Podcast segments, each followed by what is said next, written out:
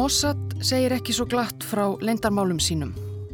Ísraelska leinithjónustan er einhver svo öflugasta og leindardómsfulla sem starfað hefur á síðustu áratugum. Ef eitthvað í heiminum í dag getur talist djúbríki, ríki í ríkinu, segja ákveðinir ísraelskir sérfræðingar, þá er það staða Mossad í Ísrael. Það er því ekki á hverjum degi sem Mossad setur upp síningu á eigin gjörðum og grepum. Það var í raun í fyrsta sinn 2012 sem Mossad setti á síningu ímsa muni á safnin okkru í Tel Aviv. Munirnir tengdust ákveðinni aðgerð sem er eins og frægasta í viðburðaríkri sögu stopnunarinnar. Kanski eina fáum sem stopnunin vill stæra sig af. Í nokkrum glerkossum á síningunni skjálataska, myndavél, nokkrir gulnaðir papírar númeraplata af bíl, nokkrar ljósmyndir, misskýrar og einnig sterðarinnar spröyta.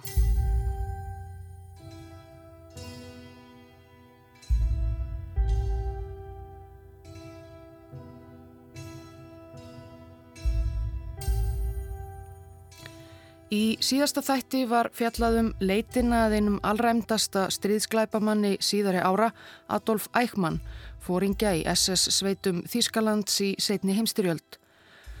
Mannsinn sem hafði með orðfæri nazista umsjón með loka lausninni á geðinga vandamálinu og bar ábyrð á að flytja miljónir geðinga út í opinn döðan í Ásvits og fleiri útrymmingarbúðum. Ækman slapp úr greipum bandamanna í stríðslokk, kvarf.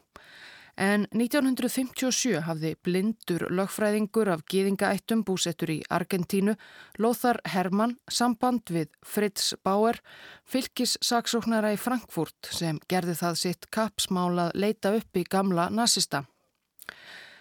Hermann saðist telja að Ækman væri búsettur í Buenos Aires. Sónur hans Klaus og dóttir Hermanns Silvíja hefðu verið að slá sér upp um tíma. Bauer let Ísraelsku leinithjónustuna Mossad vita en þar á bæ voru grunnsemdirnar ekki teknar sérlega alvarlega. Ímsir töldu sig jú hafa síð ækman úti um allan heim.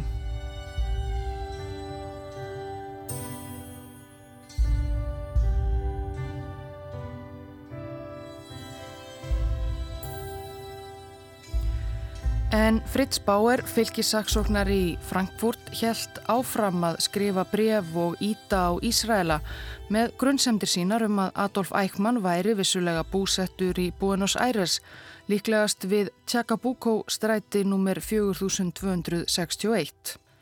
Og það sem meira var, Bauer let Ísraelum í tíu meiri upplýsingar.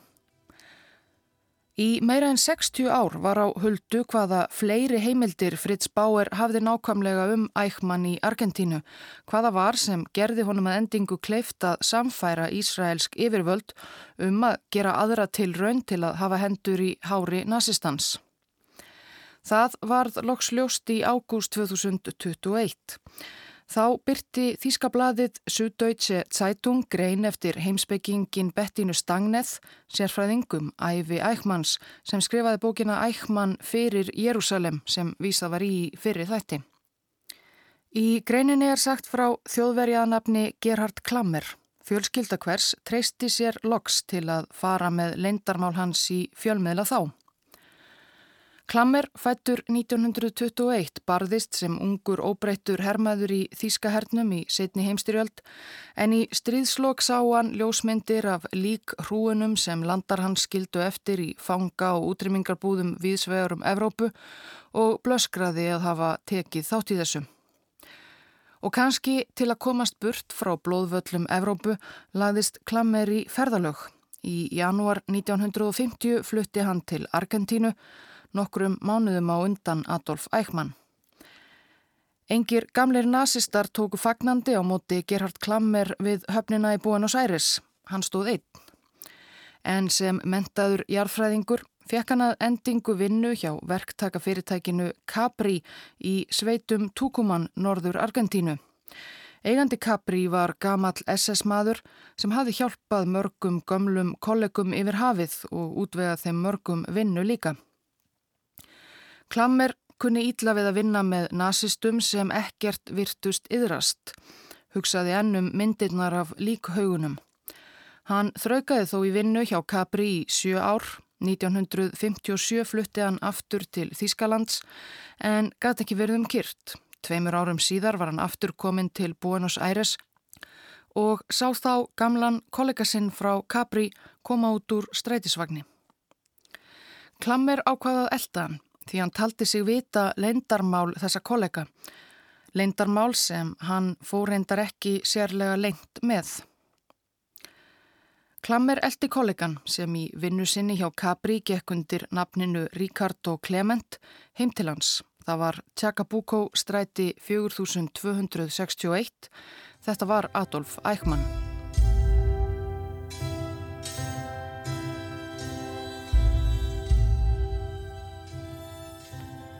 Klammer var nokkuð viss. Kollegin hafði kallað sig Ricardo Clement vissulega en allir vissu að kona hans og sinir sem tóku þátt í félagslífi Capri starfsmanna héttu einhverju hluta vegna ekki Clement heldur Eichmann að eftirnafni. Og Ricardo sjálfur blandaði mikið geði við aðra gamla nazista í starfsliði Capri og virtist gladur með það. Samkvæmt grein Bettinu Stagneð láð það þungt á klammer að búa yfir upplýsingum um íverustad eftirlýsts fjöldamorðingja. Samt treysti hann sér einlega ekki til að gera neitt meira í málinu sjálfur. 1959 kom hann þó loks ábendingu áleiðis í gegnum net, vina og kunningja til svo að segja einamannsins í vestur Þískalandi sem hafði raunverulegan áhuga á að sækja gamla nazista til saka, saksóknarans Fritz Bauers. Með ábendingunni fylgdi mynd af starfsliði Capri í Tukuman um 1952. Þar stóð Gerhard Klammer, rockinherður og hávaksinn við hlið lægrimanns, hálf sköllóts með glerugu, sem svipar mjög til eða er eiginlega greinilega Adolf Eichmann. Í november 1959 var Fritz Bauer komin á fund Mossad og Ísraelskra stjórnvalda í Jérúsalem Ekki fyrsta sinn, hann hafði ítrekkað reynd að vekja meiri áhuga á ækman en var einlega farin að verða Ísraelum þreytandi. Þar til hann drói þetta sinn upp myndina af klammer í Argentínu með manninum sem kallaði sig Ricardo Clement og var greinilega Adolf Eichmann. Allar vísbendingarnar voru nú að smetla saman.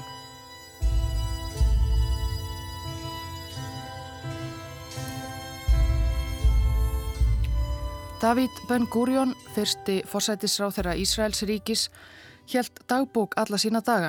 7. desember 1959 hafði hann nýlega tryggt sér sitt fjórða kjörtímabil og þá trúði hann dagbókinni fyrir nokkru sem aðeins hans tryggustu menn fenguð að vita. Leini þjónusta ríkisins, Mossad, taldi sig vita hvar Adolf Eichmann væri að finna og Ben-Gurion hafði gefið skipun um að náð yrði í skottið á honum.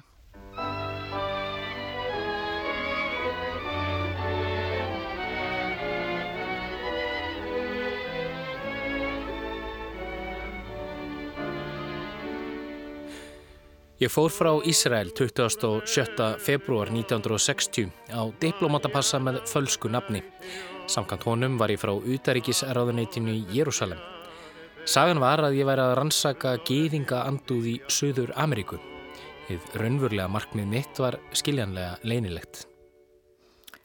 Íser Harel, yfir maður Mossad, fól einum úr starfsliði sínu að fara í fyrsta konunarleðungurinn til Argentínu 1.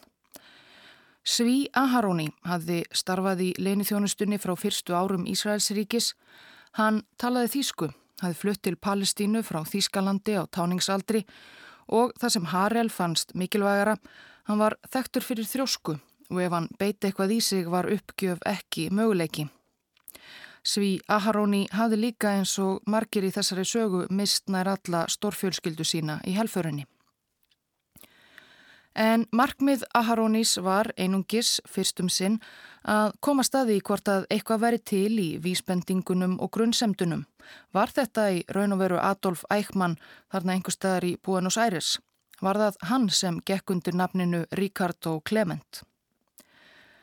Aharoni var með fyrirmæli um að vera í samskiptum við höfðustöðvar Mossad í Tel Aviv í gegnum dullkóðuð skeiti. Í dullmálinu var Ækman sjálfur kallaður Ökumæðurinn. Ökumæðurinn er rauður. Það þýtti að Aharoni hefði haft upp á tíðum Clement og það væri nokkuð víst að hann væri Ækman. Ökumæðurinn er svartur. Það þýtti að hann væri alveg fullvisum að þetta væri Adolf Ækman.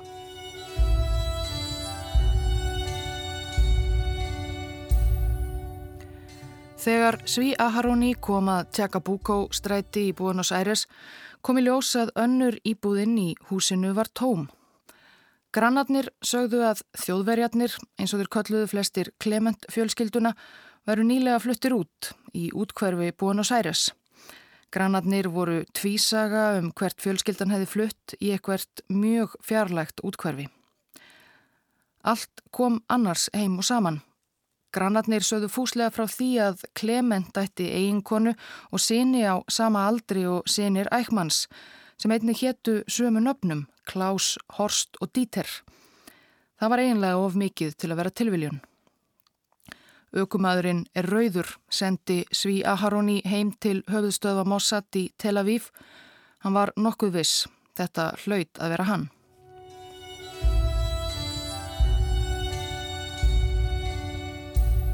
Aharoni komst að því að einn af sonum Tjæðs Clements vann á bifilaverstæði í grend við Tjakabuko-stræti. Sonurinn ógum á skellinöðru og kvöld eftir kvöld fyldist Aharoni með honum og reyndi að elda hann heimáleið á skellinöðrunni. Við það naut Mossad-maðurinn aðstóðar ungmenna úr gýðingasamfélagi Buenos Aires sem voru bóðinn og búinn að aðstóða, jáfnvel þó þau vissu ekki alveg um hvað málið snerist. 19. mars Þannan dag sá ég hann í fyrsta sinn. Ég sá Adolf Eichmann, arkitekt loka lösnarinnar. Ég var með stelpu úr Ísraelska sendiræðinu. Með hana í bílnum var ég örugari, ég vakti minni aðtegli þannig. Ég sá hann um tvö síðdeis. Þar sem ég kerði fram hjá húsinu sá ég manni í meðalhæð um 50 hárið að þinnast og með há kollvik að ná í þvottin á snúru. Hann kvarfin í húsið áður en ég gatt tekið fram földu myndaveilina. Stúlkan sem ég óg með tók eftir æsingnum í mér. Hún vissi ekkert. Hvað er að gerast? Áhverju ertu svona gladur? spurði hún. Ég hló. Ég myndi skindilega að í dag er afmælistagur móður minnar, sagði ég. Förum á fagnum. Ég býð þér í stærstu steikina í Buenos Aires.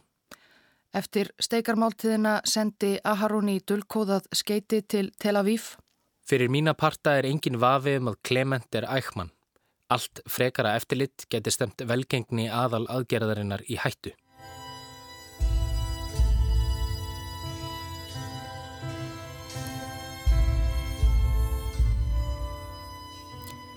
Ricardo Clement, eða Adolf Eichmann, hafði alls ekki lifað neinu vellistingalífi í Buenos Aires hinga til og líkt sumum öðrum nazistum þar siðra.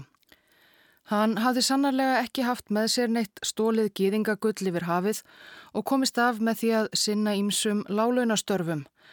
Hjá Capri meðal annars og unniðum hríði gasopnaversmiðju, nokkuð sem hann hafði jú ákveðna reynslu af úr sínu fyrra lífi, sögðu gárungar síðar. Vera, kona hans og sinirnir Klaus, Horst og Dieter komu sér yfir til Argentínu til hans 1952. 1959 hafði Ækvann komist í ágæta vinnu sem loksuðumadur hjá Buenos Aires deild þýska bifræðaframleðandans Mercedes-Benz. Fjöldi þjóðverja vann hjá Mercedes í Argentínu og ef löst voru fleiri gamlir SS-menn þar við vinnu. Engverjir vissu öruglega hver nýji loksuðumadurinn var í raun, hvað hann hafði áður fengist við á lífsleiðinni, en, sögðu aðrir starfsmenn síðar, það var ekkert talað um það. En Ækman var allatíð í sambandi við gamla kollega og skoðanabræður. Gamli nazistar hittust á ákveðnum þýskum knæpum í Buenos Aires og í heimahúsum þar sem Ækman gatt stært sig af mikilvægi sínu í loka lausninni. Með Benz laununum hafði Ækman svo loks látið gamlan draum rætast. Sagt skilið við leigu íbúðuna hrörlegu við Tjakabuko stræti 4261 og keift 700 fermetra lóð á strjálbílu yðnaðarsvæði í úti aðri Buenos Aires. Garibaldi stræti 14 hétt það en raunar voru fá önnur hús við þá götu enn. Spildan var á hálgjörðu Mýrlendi en Ækmann eða Clement hóst handa við að reysa þar hús með sónum sínum. Hans eigið hús. Það vakti nokkra aðtikli í nákrenninu hversu þykir vekkirnir voru í nýbyggingu þjóðverjana þrísvarsinnum þykkari en gekk og gerðist í hverfinu.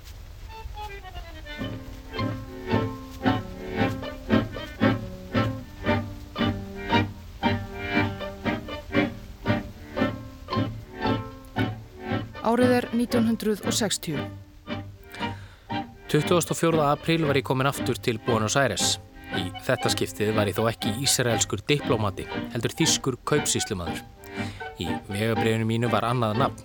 Ég var í öðrum fötum, ég var búin að láta hárið vaksa og var hættur að raka mig á efrivörni. Þrýr aðrir úr starfsliði Mossad voru nú með Sví Aharoni í för og fleiri bættust við þegar á leið.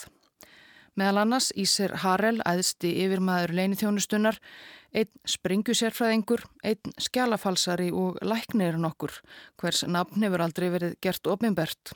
All nokkrir þeirra höfðu sjálfur komist lífsaf úr helfurinni sem ækman lagði á ráðinum. Mossatmennir fóru að hinnu eiðilega Garibaldi stræti á hverju kvöldi næstu daga og fyldust með. Strætisvagn stoppaði nálagt húsinu við nummer 14 klukkan 19.40 á hverju virku kvöldi og á hverju virku kvöldi steg einn farþegi út og gekk tómlegan götuslóða heim til sín. Adolf Eichmann að koma heim úr vinnunni stundvíslega á sama tíma dag hvern. Eitt sinn ákvað Sví Aharóni að taka sama strætisvagn til að glöggva sig betur á ferðahögum Eichmanns. Ég settist niður í eina lausa sætinu og áttaði mig á að ég satt beint fyrir aftan ækman. Ég verði að viðkennaði tilhugsuninn um að vera svo nálagt manninum sem hafði haft umsjón með tortímingu þjóðar minnar, gerði mér nokkuð órólegan.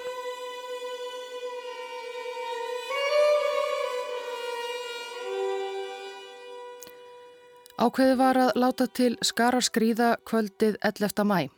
Margra daga ítarlegum undirbúningi Mossad var lokið og búið að hugsa fyrir öllu. Tvær bifræðar stemdu í átt að Garibaldi stræti þetta kvöld. Þeirri fyrri svörtum Buick og Sví Aharóni. Í baksætinu sátu tveir kraftalegir Mossad menn sem áttu að grípa ækmann og koma honum inn í bifræðina. Í þeirri setni sem fyldi humáttun okkuð og eftir voru meðal annars Harel yfirmaður Mossad og læknirinn.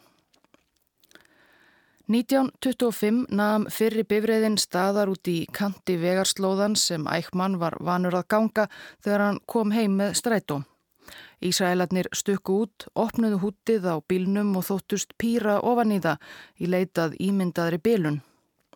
Fátteirins áhrifaríkt og að opna hútið þurfi maður að stöðva bifræð á grunnsamlegum stað, skrifaði Aharóni síðar. Gott að vita. Setni bifriðin beigð svo lengra í burtu. Klukkan varð 1940. Strætisvagnin kom en nam ekki staðar við stoppustöðuna. Mennirnir stóðu áfram við opið hútið á bjúiknum. Ækmann hafði aldrei klikkað áður. Hann var alltaf á sama tíma á ferðinni. Var núna allt ónýtt. Næsti vagn kom 20.05. Eitt maður steg út við stoppustöðuna Fyrstu augnablikin voru Aharóni og mennirnir ekki vissir hvort þetta var sá sem þeir byðu eftir, en jú þetta hlaut að vera hann. Þeir skelltu aftur húttinu og fóru upp í bílinn, allir nema einn. Aharóni ógaf staði sömu átt og strætómaðurinn gekk. Afsakið, kallaði annar þeirra kraftalegu sem hafi orðið eftir í vögkantinum. Strætómaðurinn nam staðar og sama augnabliki stökk mossat maðurinn á hann Hann ítti honum niður á molduga göduna, strætómaðurinn öskraði og æfti og braust um. Hínir tveir farþegarnir í bjúiknum stukku út og hjálpuðu stað við að draga hann æbandi inn í aftursæti bílsins. Það tókst, þeir skelltu bílhurðinni og ógu burt til snarasta.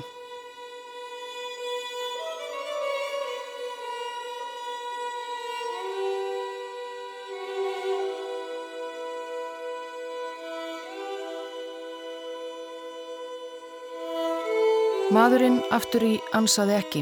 Hann lá á gólfinu, vafin í teppi og tveir mossadmenn heldu honum föstum. Aharóni við stýrið á bjúiknum reyndi að tala við hann á þýsku. Ekki brjótast um og við meiðum þig ekki. Ef þú reynir að streytast á móti, skjótu við þig. Ekkert svar. Skilurðu mig? Talarðu þýsku? Hvaða tungumál talarðu? Aharóni reyndi líka spænsku en fekk ekkert svar. Þar til að loksins heyrðist í manninum í aftursætinu. Hann sagði á reybrennandi þýsku og furðu rólegur meða við aðstæður. Ég hef sætt mig við örlögum mín. Þá varð sví Aharóni þess fullvis að þeir væru með rétta mannin.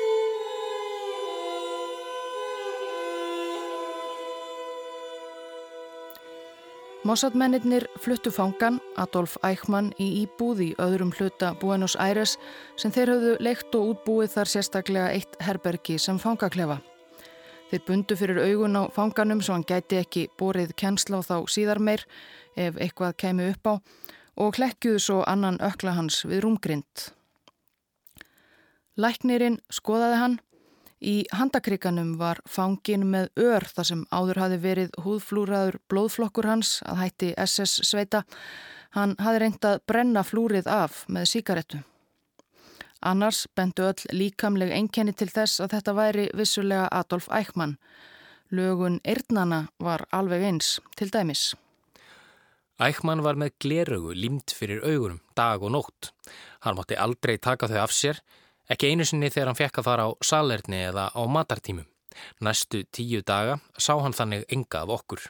Einaröttin sem hann fekk að heyra var mín eigin. Annars viðurkendi hann það svo sem fúslega sjálfur að hann væri vissulega Adolf Eichmann, fyrverandi Óber Sturmbann Führer, þegar Aharóni, sem talaði þýsku reybrennandi, fór að yfirheyra hann. Ég yfirheyrði hann í margar klukkustundir á dag. Hann lá alltaf á rúminu með vinstrifótinn hlekkjaðan við grindina. Hann neytaði aldrei að svara neinu. Hann brindi aldrei röstina. Næstu tíu daga fann ég að einhvers konar gagfæm virðing var til á millokkar. Hann viðurkendi það aldrei, en ég fann að hann hlakkaði til daglegra samtalokkar. Þau brutu vísast upp einsleita fangavistina.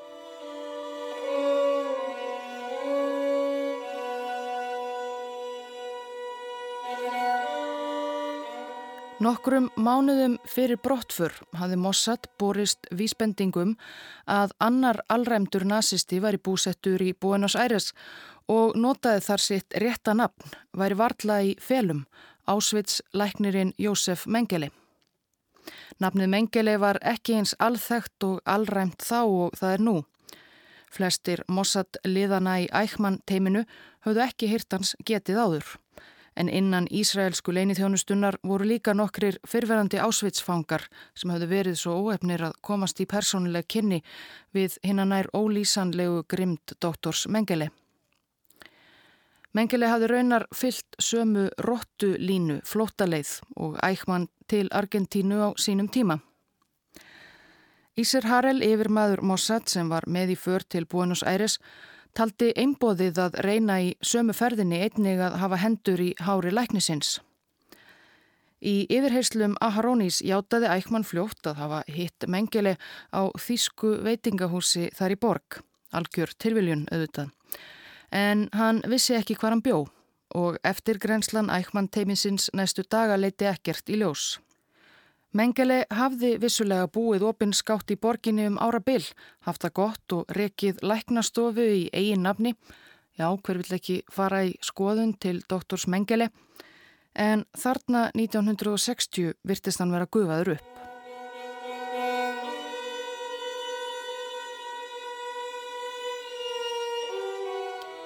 Eftir nokkra daga af yfirheyslum bar Sví Aharóni upp spurningu til fangans sem var enn hlekkjaður við rungrindina. Ég spurði hann hvort hann væri reyðubúin að koma til Ísrael og fyrir dómara vegna glæpa sinna. Fyrstu viðbröðin voru neikvæð og ofstakisvöld. Ég hef ekki fram með reyna glæpi og ég fyrir ekki neitt með ykkur. Næsta dag spurði ég hann aftur. Hann saði mér að hann hefði leið andvaka hálfa nóttina og hugsað. Og hvað finnst þér núna, spurði ég. Hikandi og varlega svaraði hann lágum rómi næstum kvíslaði. Ég er reyðubúinn að mæta fyrir domstól og ég mun sanna fyrir allir heimsbyðinni að ég var bara að framfylgja skipunum. Ég framdi aldrei neina glæpi.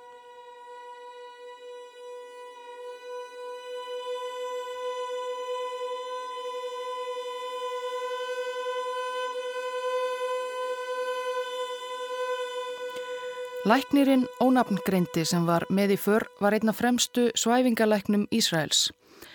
Það kom að hans mikilvægasta verkefni þegar Ækman teimið hugði á heimför frá Buenos Aires með fangan meðferðis. Að Mossad hefði rænt Adolf Ækman á götu í Buenos Aires var að sjálfsögðu ólöguleg aðgerð samkvæmt argentínskum lögum og sömu leiðis að ætla sér að flytja hann í hlekkjum úr landi. Svo vildi til að Abba Eban, mentamálar á þeirra Ísraels, var á leiði í ofinbæra heimsókn til Argentínu 19. mæ í tilefni af 150 ára afmæli mæbildingar Argentínum manna gegn spænskum yfiráðum.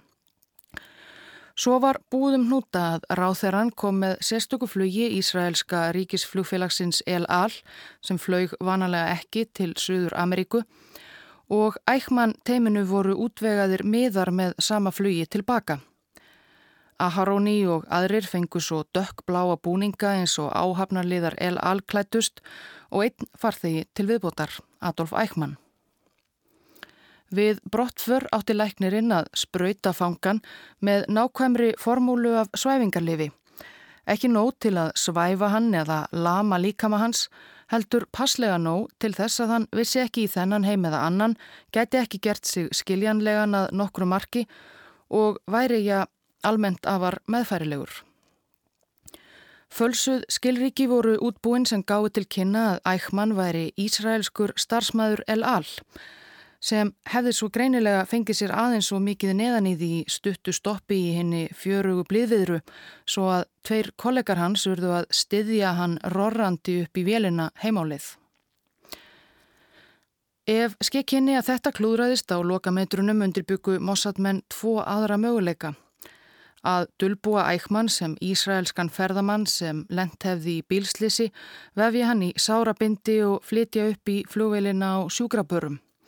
Og til öryggis öryggis var smiður sem starfaði fyrir Ísraelska sendiráði í Buenos Aires látin smíða stóran viðarkassa, nógu stóran til að geima í fullvaksta Karlmann.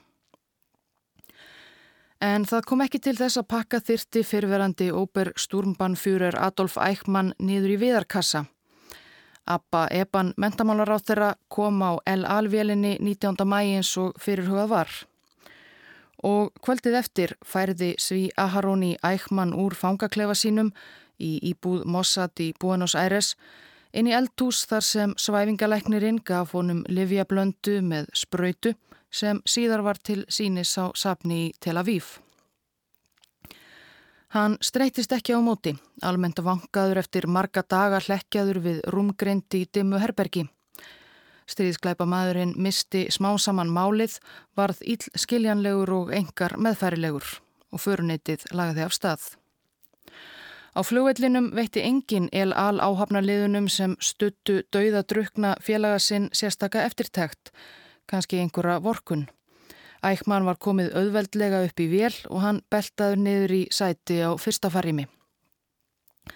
Næsta sæti við hlið hans var aukt. Engan í föruneytinu langaði nefnilega sérstaklega til að þurfa að sitja við hliðina á Adolf Eichmann, einum helsta arkitekt helfararinnar næstu 20 tímana. En læknirinn satt fyrir aftanan og Sví Aharóni var heldur ekki langt undan. Ækman var vakandi en virtist úti úr heiminum. Rétt fyrir flugtak aðtugaði Aharóni meðan. Þú ættir að reyna að sopna, sagðan, þér mun líða betur setna. Ækman lingdi þá aftur augunum og flugvelin lagði af stað.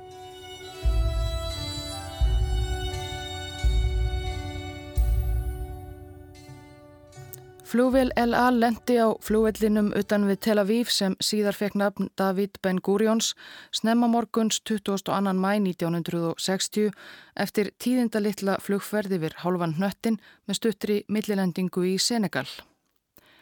Nokkrir Mossad-menn tóku á móti Sví Aharoni Isser Harel lækninum og dösuðum fanga þeirra á flugvellinum. Fangin var svo fluttur í einhvers konar leinilegan varðhaldsklefa við sjávarsíðuna í Tel Aviv og Mossadmennir fóru heimað kvíla sig. Dæin eftir voru þeir þó í salnum þegar David Ben-Gurion tilkynnti Ísraelska þinginu í Jérúsalem hvað gerst hefði.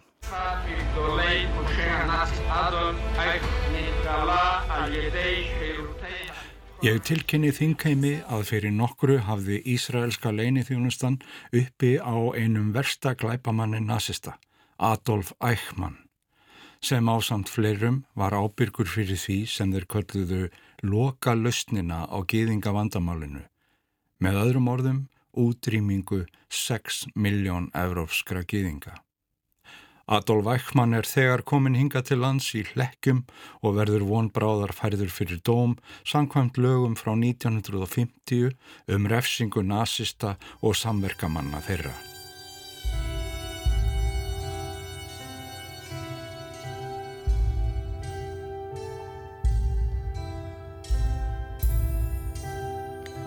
Eichmann í Jérúsalem Réttarhöld yfir Otto Adolf Eichmann hófust 11. april 1961 í leikúsi í Jérúsalim sem hafi verið sér útbúið sem dómsalur. Eichmann sjálfur sem dvalið hafði í varðhaldi á lauruglustöð í norðanverðu Ísrael síðan honum var rænt í Argentínu fyldist með öllur sérstöku skotheldu glerbúri. Hann var sagaður um að hafa orðið valdur að dauða gýðinga og rómafólks, hafa vikið gýðingum, pólverjum og slóvenum frá heimilum sínum, þvingað gýðingakonur til þungunarofs, ofsótt gýðinga og stólið eigum þeirra. First count, nature of offense, crime against the Jewish people, particulars of offense. Fjöldi fólks bar vitni í dómsal. Tjáði sig um reynslu sína í Ásvits og öðrum fanga og útrýmingarbúðum nazista. Fæst vitnin höfðu séð ækman áður í eigin personu. En mörg höfðu heyrt sögur um nazista fóringjan við skrifborðið sem ítti með pennastrygum sínum tök þúsundum sagleysingja inn í gettóin eða upp í greipalestinnar til Ásvits. Eichmann to die on the gallows. Eichmann is found guilty of crimes against the Jewish people, crimes against humanity and war crimes. Réttarhöldin vöktu gríðarlega aðtegli á heimsvísu. Þetta var heimur þar sem hryllingur helfararinnar var enn ekki fyllilega rannsakaður og kunnur leikmönnum. Meira að segja í Ísrael hafði ekki svo mikið verið talað um helfurina ofinberlega þar sem hún þótti sína gýðinga í slæmu ljósi sem auðmingaleg fornarlömp en ekki dugmikla landnema líkt og Ísraelar töldu sig vera. 12. desember 1961 var Eichmann fundin segur í 15 ákæruliðum um stríðsklæpi, mannúðarklæpi og glæpi gegn gýðingum. Hann var dæmdur til dauða Dauðadómnum var framfyllt nokkru mínútum eftir miðnætti 1. júni 1962. Adolf Eichmann var hengdur.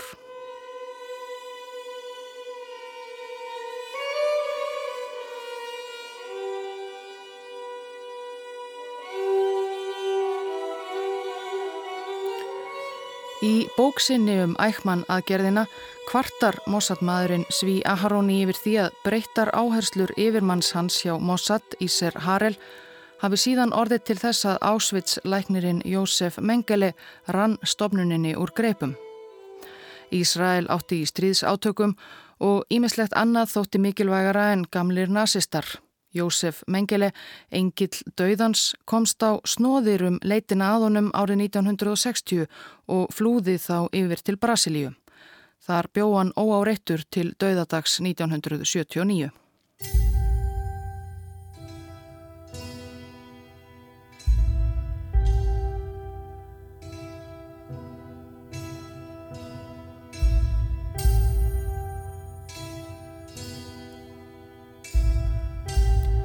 Blindi lögfræðingurinn Lothar Hermann reyndi alla sína tíð að fá einhvers konar viðurkenningu og fjö fyrir þátt sinn í því að ækman fannst.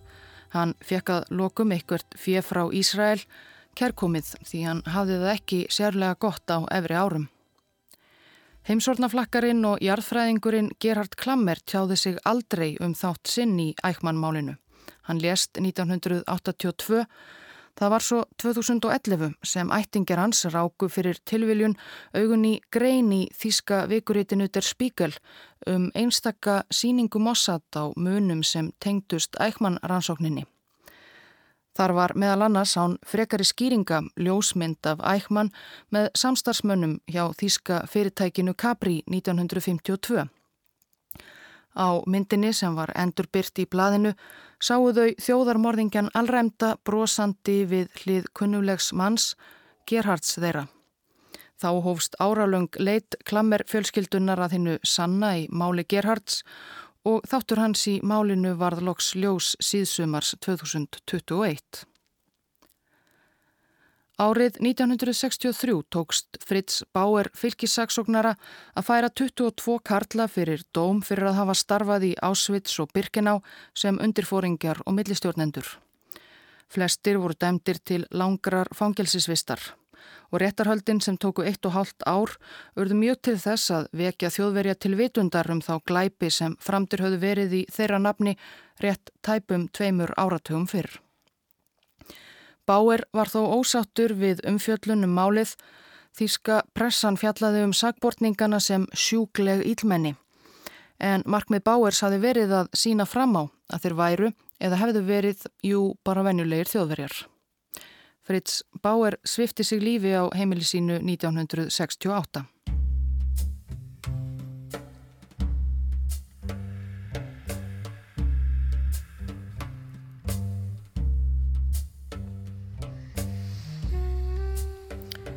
Hjónin Adolf og Vera Eichmann eignuðust fjórðasónin í útleðsinni í Argentínu. Ricardo var bara fimm ára þegar fadir hans var fluttur til Ísrael. Mann varla eftir honum. Ricardo Eichmann flutti til Þýskalands á fullorðins árum og hefur gengt ímsum ábyrðarstöðum tengdum fræðigrein sinni fortleifafræði Östurlanda nær. Hann er lítið fyrir að vera í sviðsljósinu en árið 1995 átti hann þó fund með Sví Aharoni, Mossad manninum sem fann föður hans. Eitt hefur Ricardo Eichmann látið hafa eftir sér. Honum finnst fadir sinn hafa fengið það sem hann átti skilið.